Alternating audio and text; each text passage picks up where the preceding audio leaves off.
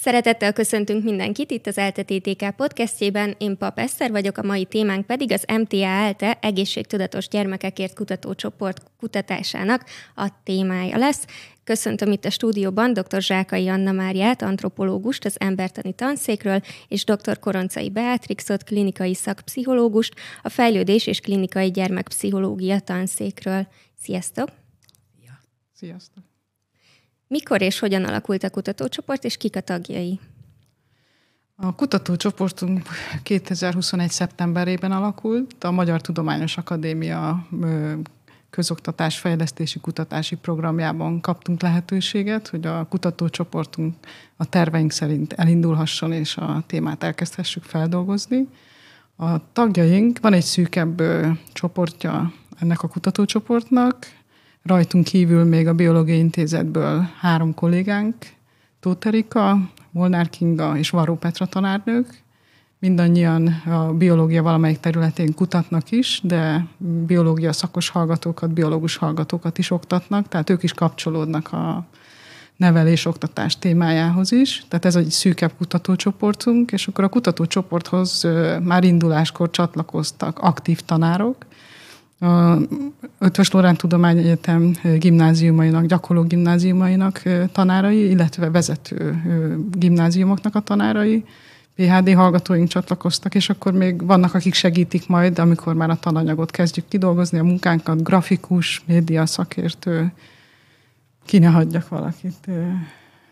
Tehát sokan próbálják. Adatgyűjtésbe fognak segíteni, lesz, aki ebből írja a szakdolgozatát, úgyhogy adatgyűjt, olyan adatokban, amit a, a gyerekektől most fel fogunk venni kérdőíves adat gyűjtésbe, úgyhogy ők is, is nyilván fog segíteni.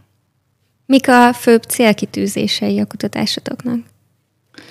Hát a pályázati felhívásnak megfelelően a fő célkitűzés, hogy egy elektronikus, mindenki által ingyenesen elérhető tananyagcsomagot készítsünk el, ez a tananyagcsomag a pályázati felhívásnak megfelelően a közoktatásban tanuló gyerekeket célozza meg. A fő témánk a gyermekek egészség magatartásának a fejlesztése, és ehhez kapcsolódóan hat témakört választottunk.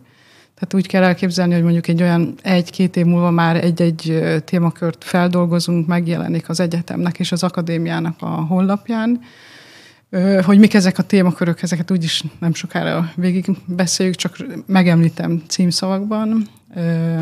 Közösségi média használat, egészséges életmód, szexuális felvilágosítás, higiénia, a mindennapi higiénia, környezettudatosság és a szerhasználat. Tehát ez a, úgy gondoltuk, hogy ez a hat témakör nagyon fontos, hogy az egész, a gyerekek egészség magatartásának a fejlesztésében szerepet kaphasson, és ehhez mi adhassunk segédletet a, akár a közoktatásban tanító tanároknak, akár a szülőknek, akár a gyerekeknek, és azt is gondoljuk, hogy ez úgy is megjelenhet segédanyagként, hogy a, akik itt nálunk mondjuk biológia tanárként végeznek, akkor ő náluk is egy ilyen egyetemi segédanyagként használhassuk. Már összemosolyogtatok a média használatnál, úgyhogy azért megkérdezem, hogy ti milyen uh, kis részprojektekben dolgoztok a kutatáson belül? Igen, enyém a közösségi média területe, mert hogy egyébként nekem ez a kutatási területem is a, a saját a tanszéki munkámba. A közösségi média és a testképnek a kapcsolata, illetve a közösségi média függőség, problémás használat serdülőknél, és minden olyan típusú közösségi média használat, ami esetleg valamilyen szempontból a mentálhigiénére veszélyes, veszélyes lehet, vagy rizikós lehet. Ugye erről jó, hogyha tudnak a, a, a serdülők, fiatalok. Van egyébként olyan, amit, amit most szeretnél mondani, hogy mindenféleképpen tudjanak róla, azon kívül, hogy nem mindenki úgy néz ki a való életben, mint az Instára felnyomott képeken. Abszolút. Szerintem ez a legfontosabb, és leginkább kutatott, kutatott része ennek a témának, az a testkép hogy milyen testképet, hogy negatívan befolyásolja a fiataloknak a testképet, az a, ezekben a, ezeken a közösségi médiafelületeken megjelenő jelenő a vékonyság ideáját reklámozó vagy megjelenítő anyagok vagy képek, Mert hogy ugye a gyerekek összehasonlítják saját magukat azokkal a képekkel, amiket látnak, csak, és nyilván egy csomó mém szor erről, meg egy csomóan próbálják felhívni erre a figyelmet, hogy amit, amit te is mondtál, hogy amit látunk ott a közösségi médiában, az nem a valóság, de ennek ellenére a kutatások szerint ennek ellenére hat a gyerekekre, még akkor is, ha tudják, hogy ez nem a valóság, és tudják, hogy ő, ők maguk is, hogyha a közösségi médiában képet töltenek fel magukról, akkor egyrészt a legjobbat fogják feltölteni magukról, másrészt, hogyha nem a leg, feltétlenül a legjobb, de valahogy ki szeretnék tenni, akkor addig módosítják, addig filterezik, vagy nem tudom én, mindenféle uh, ilyen, uh, ilyen manipulációt végeznek rajta, amíg aztán tökéletesen néznek ki rajta, és utána teszik föl a közösségi médiába, tehát senki nem a legcsúnyább arcát mutatja.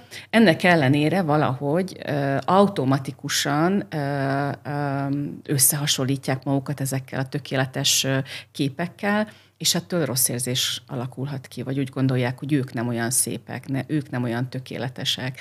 Úgyhogy ez, e, ez egy, egy ilyen nagyon kúrens téma, és szerintem e, ebben egy ilyen mm, tök fontos szerepe lehet akár ennek a segélynagyagnak is, hogy erre még inkább felhívja a figyelmet. Mi tudunk egyébként ellene tenni? Tehát, hogy nyilván nem filterezzük annyira túl a képeinket, de hogy ez akkor ennek nagy impaktja van, hogyha tényleg életszerű képeket töltünk fel? Nagyon érdekes, mert hogy a kutatások szerint a, például a testpozitív nem tudom, képek, vagy tartalmak, ez a, akár a TikTokon, akár az Instánnek elég nagy keletje van, vagy divatja van a testpozitív képeknek, annak tényleg van pozitív hatása arra, aki, aki ezeket megszemléli. Nekem egyébként pont most van egy ilyen kutatásom is, és még, még gyűjtöm bele az adatokat, de néhány ilyen előzetes statisztikai vizsgálatot már csináltam, és egyébként ez az, egy, ez az egyik legfontosabb eredmény, ami tényleg kijött nálunk is. Itt különböző videókat nézettünk meg a, a serdülőkkel, tehát volt testpozitív, volt olyan, amelyik ilyen vékony ideált, vagy ilyen szexi, tökéletes kinézetű ideált mutatott be, vagy női alakokat mutatott be, és voltak ilyen neutrálisok, és azt találtuk abszolút, a testpozitív az a test szégyennek a, a, a mértékét csökkentette, és a testtel való elégedetlenséget is csökkentette.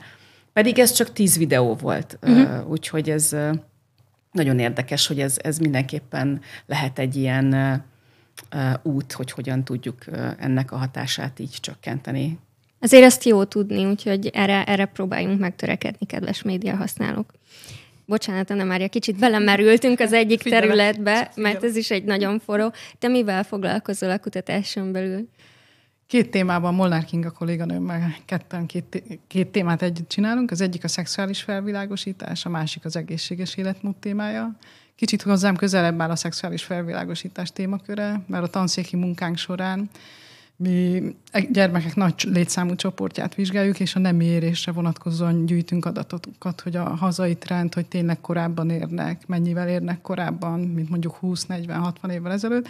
Tehát nekünk megvannak a hazai referenciák, ezeket mi gyűjtögetjük és hasonlítjuk a korábbi adatokhoz, és innen indult az én érdeklődésem, hogy vajon a gyerekek mennyiben vannak ennek tudatának, hogy mikor normális. Lesz szó például a tananyagban a menstruációról, a nem érésről, mikortól kezdve gondoljuk, hogy túl korai a nem érés, mikortól gondoljuk, hogy túl késői. Tehát ez, ez, ez a téma tényleg hozzám közel áll.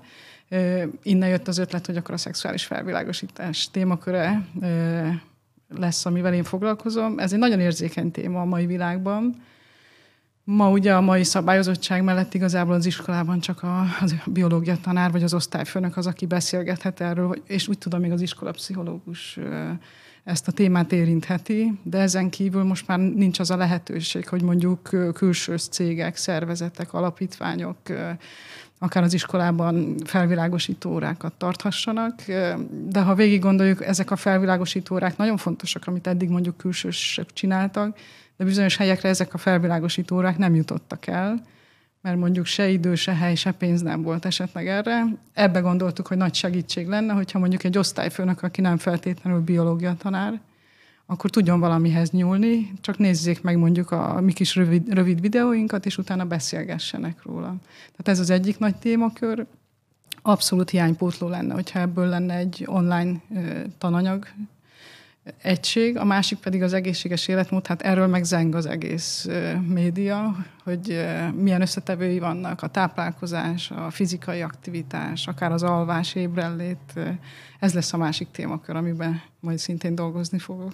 Azért mind a kettő témakor olyan, amiben nehéz navigálni. Tehát a, például, hogyha csak a táplálkozásra és a social médiára gondolok, ott is nagyon sok téves információ kering, amiket uh, azért le kell szögezni, hogy melyiknek van valóság alapja, és melyiknek nem. Tehát azért ezek nehéz témák. Nehézek, nehezek is, veszélyesek is, abból a szempontból, hogy mi az, amit most mi meg szeretnénk mutatni, ki nem maradjon valami, mi az, ami már mindenhol ott van, és nem azt mondom, hogy felesleges, de lehet, hogy nem arra kéne a hangsúlyt helyezni, és pont ezért gondolta azt a kutatócsoportunk, mikor elindultunk ezen az úton szeptemberben, hogy, hogy mi azt, azt, azt szeretnénk, azt a módszert követni, hogy először mérjük fel, hogy milyen téfitek keringenek a gyerekek között ebben a hat témakörben.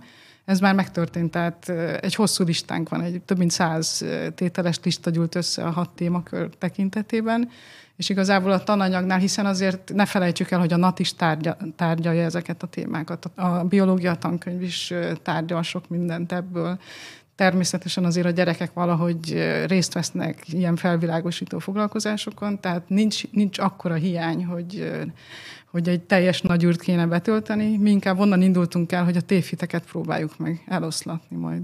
Vannak egyébként olyan tévhitek, amikre rácsodálkoztatok így a saját területeteken belül? Hát most az én területemnél szerintem annyira nem is nagyon volt. Azt hiszem, hogy a szerhasználattal kapcsolatban volt azért néhány ilyen érdekes tévhit akár a, a marihuána használattal kapcsolatban, hogy az most mennyire veszélyes, nem veszélyes. Nem is tudom, hogy, hogy mi volt még az, ami gyakori Ele- az elektromos cigaretta, hogy most uh-huh. mennyire veszélyes a, ennek a használata. De meg, meglepő dolgokat kaptunk, és igazából nem csak a megcélzott 10-18 éves korosztálytól, egy kicsit idősebbektől is gyűjtöttünk ilyen téfiteket. Persze mi is sejtettünk néhány téfitet, de akár mondjuk a szexuális felvilágosítás területén is, az, akár a nemi úton terjedő betegségek kapcsán, az óvszer használat kapcsán, a menstruáció kapcsán. Jöttek olyanok, amik, amik egyébként nekünk biztos nem jutottak volna az eszünkbe.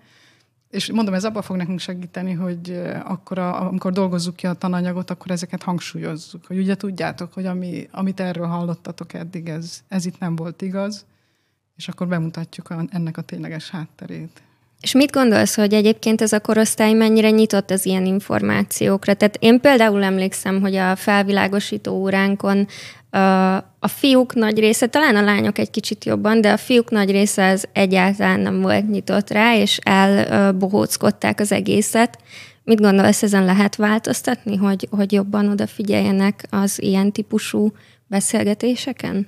Én csak röviden, és aztán szerintem be be ebbe szakértő, de szülőként én azt látom, mert a, például a lányom vett részt ilyen foglalkozáson, hogyha felkészülten érkezik az, aki ezt, ezt a foglalkozást tartja, vagy az a, az a tananyag az szakmailag is tökéletesen van összeállítva. A szakmailag értem azt, hogy a biológiai háttere és a, a, a neveléstudományi háttere is rendben van, és van valami csalogató vonzó dolog benne, akár egy szabaduló szobából való kijutó eredmény csalogatja, akkor, akkor szerintem a gyerekek érdeklődnek, és akkor részt vesznek, de vannak technikák, hogy esetleg a nemeket külön kell, hogyha személyes jelenléttel uh-huh. csináljuk, külön kell kezelni, vagy nem, hogy nő tartja, vagy férfi tartja a lányoknak, a fiúknak, meg hogy milyen témák, meg hogy egyáltalán komolyan veszem, hogy a, hogy a gyerekeknek egy fontos dologról beszélek. Én, én amit idáig csináltam, mert már néhányan én is részt vettem, amikor látták azt, hogy fölkészültem, tudom, hogy miről beszélek, és fontosnak tartom, akkor egy idő múlva elkezdtek rám figyelni.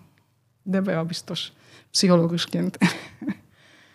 Nekem csak az jutott eszembe, eszembe miközben beszéltél, hogy az sem mindegy, hogy mi mondjuk a, a téma. Igen. Tehát ugye a klasszikus, vagy lehet, hogy amit, amire te emlékszel, hogy ott azt hiszem, hogy azért nagyon sokszor arra megy ki a téma, vagy arra megy ki a fókusz, hogy hogy, mi, hogy, hogy mondjuk milyen fogámzásgátló módszerek vannak, hogy hogyan kell a, a gumióvszert használni, vagy hogy ne legyenek idő előtt terhesek a, a fiatal lányok, és hogy ez egy ilyen úgy mondjam, egy kicsit olyan szűk fókusz, ami nem biztos, hogy találkozik a, a fiataloknak az igényével. Szóval van egy ilyen, egy ilyen tanárokból, szülőkből kiinduló ilyen probléma fókusz. Hát mi az, amitől féltjük a gyerekeinket? Féltik a tanárok, féltik a szülők, tehát ez tulajdonképpen a szülőknek fontos, illetve a tanároknak fontos, de nem biztos, hogy gyerekeknek fontos. Tehát, hogyha arra is tudnak figyelni mondjuk a, a, ezeken a, az ilyen órákon, hogy a gyerekek érdeklődését mérjék föl, vagy hogy ők meg tudjanak szabadon nyilatkozni, hogy mi az, ami őket tényleg érdekli, akkor az, ez lehet egy ilyen motiváló faktor, azt gondolom. Hát meg annyi információ van, amit, amit valahogy át kell adni, hogy ezt talán csak így leülve, elmondva nem is lehet átadni, és akkor rá is térnék arra, hogy ti milyen formában tervezitek ezeket a, ezeket a segédanyagokat. A segédanyag, először a kérdőívet kezdtük el kidolgozni, és ott jött egy ötlet, Kinga, Molnár Kinga kollégánknak az ötlete, hogy egy kicsit ez is egy ilyen szabaduló szoba, hm. vagy legalábbis egy interaktív feladat soronkáján keresztül haladva válaszolgatni a kérdéseinkre, és innen jött az ötlet, hogy amikor Ennél a, a kérdőíves felmérésnél ez is egy lehetséges jutalmazás volt egyébként, hogy ha végigcsinálja a feladatot, akkor a végén teljesítette, és akkor ezért érdemes volt. Már Kicsit csak ilyen ezért... játékosítás yeah. mentén történik ez, az, ez a kérdőív gyűjtés, úgyhogy a, azok a gyerekek, akiknek van kedve kitölteni a kérdőívet, az egy jó móka is lesz. Tehát nem, ne úgy képzeljétek majd el, hogy lesznek a kérdések, és akkor csak be kell a válaszokat, hanem egy ilyen, lesz egy ilyen keretsztori, egy ilyen kalandjáték gyakorlatilag. És akkor erre alapozva gondoltuk azt, hogy miért ne lehetne a tananyagokat is valami szabaduló rendszerben, sok-sok ismerettel, háttérre anyaggal, ami felvillan, de igazából maga a történet, hogy megint kijusson valahonnan, vagy elérjen valahova, vagy valamit teljesítsen, az lenne a mindegyik témakörnek a középpontjában. És hogyha már így felborzoltuk a kedélyeket a kérdőivel kapcsolatban, ezeket hol és mikortól és hogyan lehet akkor kitölteni? Büszkék vagyunk, mert a felmérés elindult, tehát a napokban elindítottuk. Igazából ez egy online kérdőív, de mivel itt 18 évestől fiatalabb gyerekekről is beszélünk, ezért ennek a szabályozottsága azért elég bonyolult, hogy a szülők tudjanak róla és hozzájáruljanak majd be elmeséli, hogy pontosan hogy történik. Igen, igen, igen. Tehát kétféle kérdőív lesz, mert egyrészt ugye életkorilag is érdemes bontani a tudásanyagot tekintve, a, mondjuk a, a, hogyan tesszük fel a kérdek, kérdéseket, tehát a nyelvi megformáltság sem nyilván ugyanaz egy fiatalabbnál, meg idősebbnél, illetve hogy az etikai adatgyűjtési szempontokat is figyelembe kellett venni, úgyhogy lesz egy 10 és 13 év közöttieknek szóló kérdőívsor, meg egy 14-től 18 év közöttieknek szóló kérdőívsor, és akkor a, a fiatalabbak szüleitől mindenképpen fogunk kérni egy olyan írásos engedélyt, amit mi tárolunk, és az idősebbeknél pedig lehetőség van arra, hogy a szülők ugyan kapnak egy tájékoztatást, de nem kell, hogy visszaküldjék az írásos beleegyezésüket, ez egy kicsit ilyen könnyítettebb adatgyűjtés, úgyhogy ez két külön metódus lesz. Az azért fontos, hogy a fiatalabb gyerekek, hogyha érdeklődnek a kérdőívek irány, kitöltése irány, amit tényleg ajánlok, mert tényleg tök szép, és, és izgi, mert tényleg a grafikus, grafikusunk nagyon szép hátteret tudott hozzá rajzolni, akkor kérjék meg a szüleiket, hogy please, please, please, írjátok alá, küldjétek vissza a e-mail címünkre. Igen, ez a eltetuti, kukac, gmail.com, uh-huh. illetve a kutatócsoportunk nevéből jött a honlapcímünk, az EGK, mint Egészségtudatos Gyermekekért Kutatócsoport, egk.elte.hu, és ott minden információ, még akár a kérdőív is megtalálható, vagy legalábbis megnézhető. Ezeket egyébként majd a leírásba megpróbáljuk betenni, és akkor onnan kattinthatóak lesznek, ne jegyetek meg.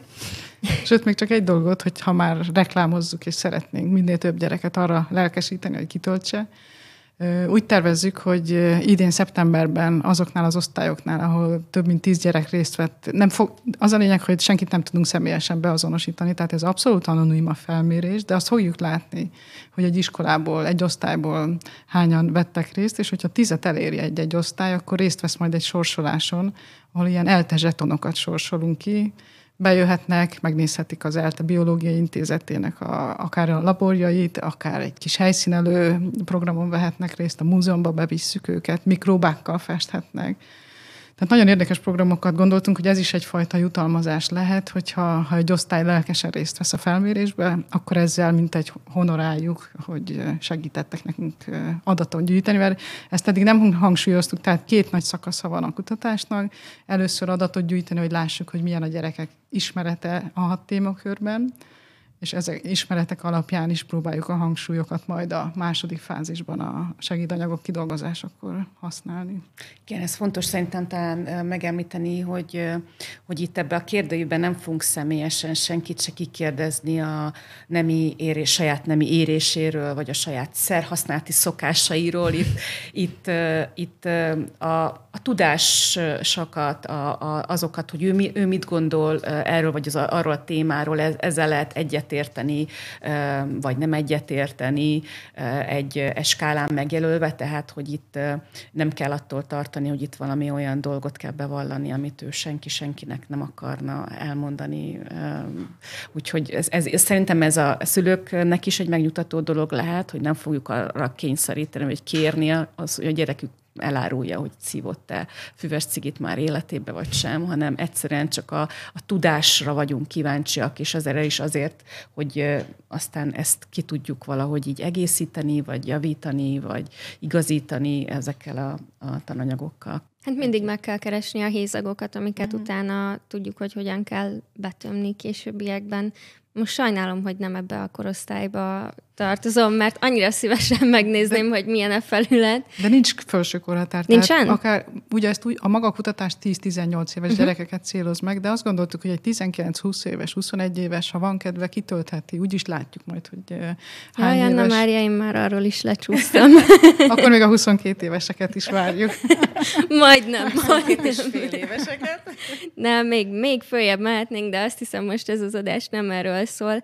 Uh, hogy, hogy ez a, a korosztály, a célzott korosztály, tehát hogy ugye jó persze nyilván óvodásoknál még a, a média használat és a szexuális felvilágosítás annyira nem fontos, de például a, a higiénia vagy az egészséges táplálkozás az már egészen kicsi korba be kell, hogy épüljön.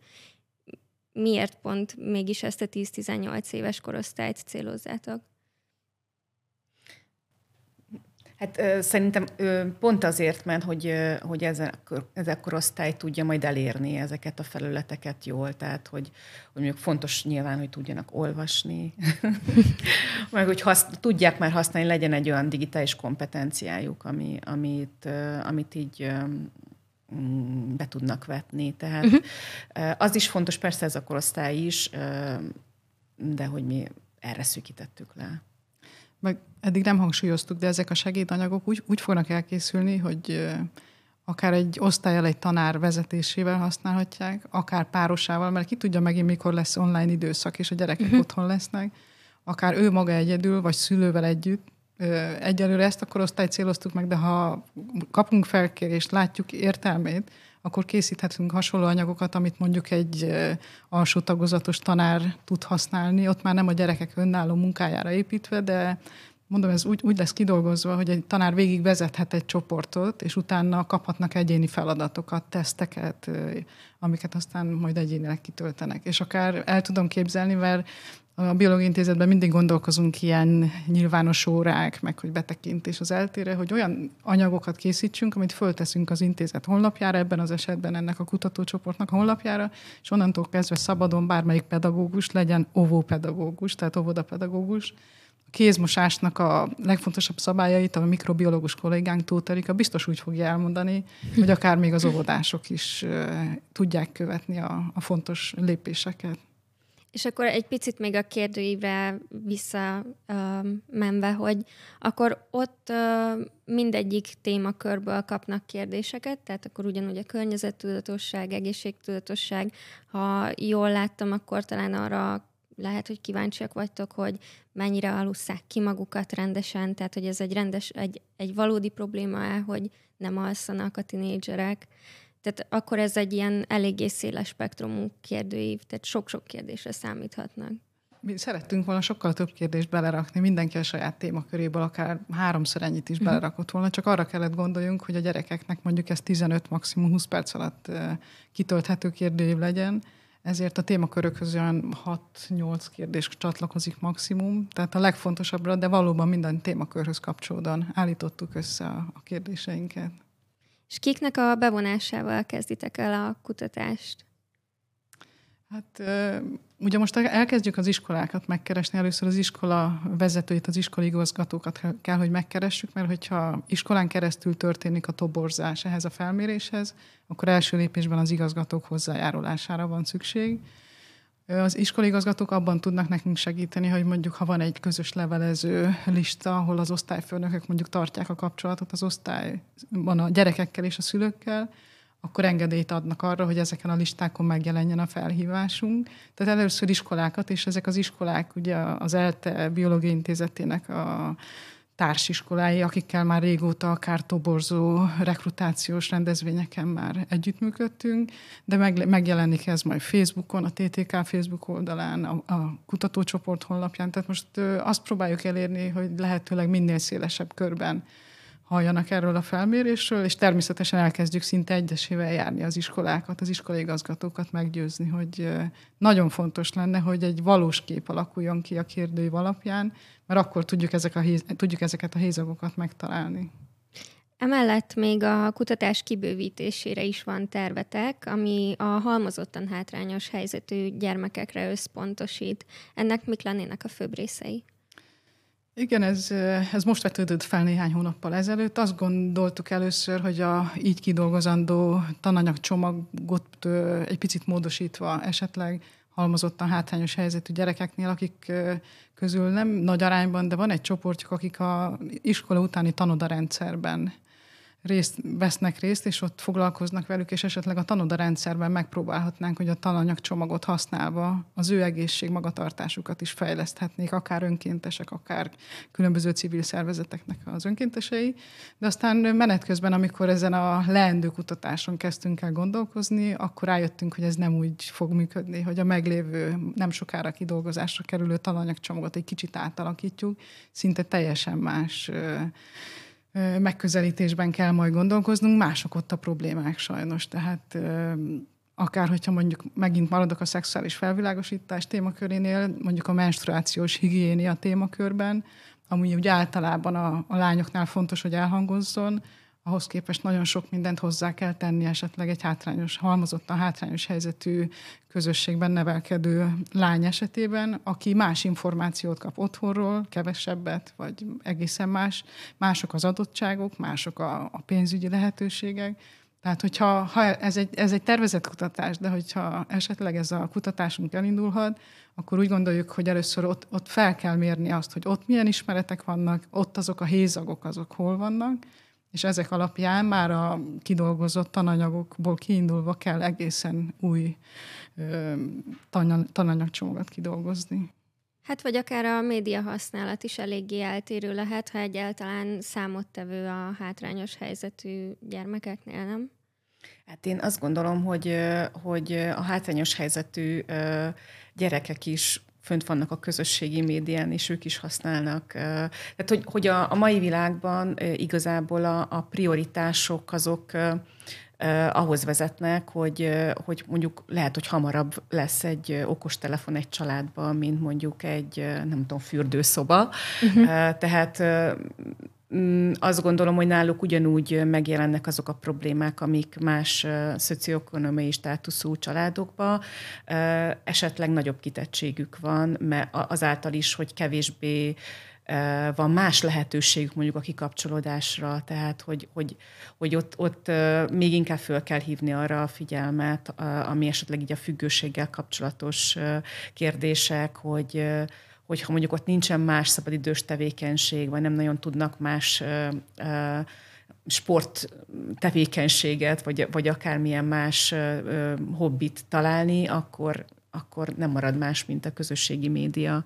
Úgyhogy itt ez azt gondolom, hogy ugyanolyan fontos kérdés, mint, mint esetleg a városi vagy a, vagy a nem halmozottan hátrányos helyzetű gyerekek esetében. Még annyit szerettem volna megvitatni, hogy a kérdőívekből kapott információk feldolgozásán felül még kettő kiegészítő kutatást is terveztek. Ezek mivel fognak foglalkozni? Lesz egy ökotoxikológiai elnézést témájú, illetve rosszul mondom, mert már ez elindult ez a kutatás. Igazából nano szennyező anyagok, egészen apró méretű részecskékről beszélünk, a nanométer tartományban járunk, az érdekessége az ennek a tartománynak, ezeknek a részecskéknek, hogy nincs igazából szabályozva, hogy mennyit lehet mondjuk kibocsájtani a környezetbe, mire használjuk, ott vannak a táplálékainkban, a festékeinkben, a naptejeinkben, a különböző eszközeinkben, a felületvédőkben, de hogy ebből mennyi kerülhet szennyező anyagként ki a környezetünkben, a természetünkben ez még nincs meghatározva, és igazából, hogy mennyire toxikusak, ugye azt gondolnánk, hogy ha használhatjuk őket az előbb említett módokon, akkor valószínűleg nem toxikusak, de ez az, amit próbál ez a apró kis kutatás is vizsgálni, titánium dioxid és szilícium dioxid a két ilyen nanoméretű szemcse, amit vizsgálnánk, illetve vizsgálunk, és a tesztekben a toxikusságát mérnénk, hogy vízibolha és különböző baktériumoknak a életjelenségeit hogy tudja befolyásolni. Amikor meg lesznek az eredmények, akkor ezt videóra vesszük, magát a folyamatot már egyébként videóra vettük a eddigieket is, és akkor ez felkerül ebbe a környezettudatos tananyag részbe. És igazából majd lehet, hogy lesz egy külön kis kérdőív ehhez, amikor már ott tartunk, hogy van a gyerekek mit tudnak a, ezekről a nanorészecskékről. Szerintem nem sok, felnőttek se nagyon gondolkoznak ezen. És aztán az ismereteik alapján lehet, hogy ez a kibővülhet ez a környezettudatos segédanyagcsomag. A másik téma, az pedig a, állandóan arról beszélünk, hogy mennyi kövér ember él a mai népességekben, és, és szinte most már azt kell mondani, hogy a világ minden népességében, független attól, hogy fejlődő vagy fejlett országról beszélünk. És Magyarországon is azt olvassuk, halljuk mindenhol, hogy a kövér gyerekek aránya nagyon megnőtt. Bizonyos értelemben ez igaz is. Viszont szülőként szerintem mindenkibe felmerül, hogy akkor én hogy fogom tudni követni, hogy az én gyerekem tápláltsági állapota éppen hol tart.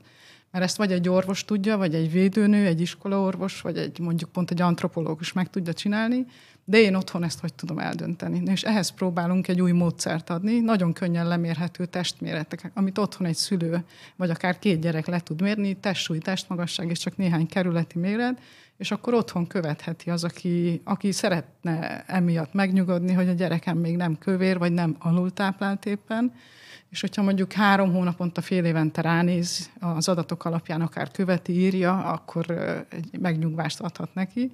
Na ezt a módszert próbáljuk meg kidolgozni, és akkor ez is része lesz a tananyagnak, illetve felkerül a honlapra is, hogyha valaki szülőként szeretné gyerekét követni, akkor erre lehetősége legyen. És akár ajánlást is tudtok adni, hogyha valaki mondjuk azt találja, hogy a gyermeke túlsúlyos, vagy abba az irányba halad?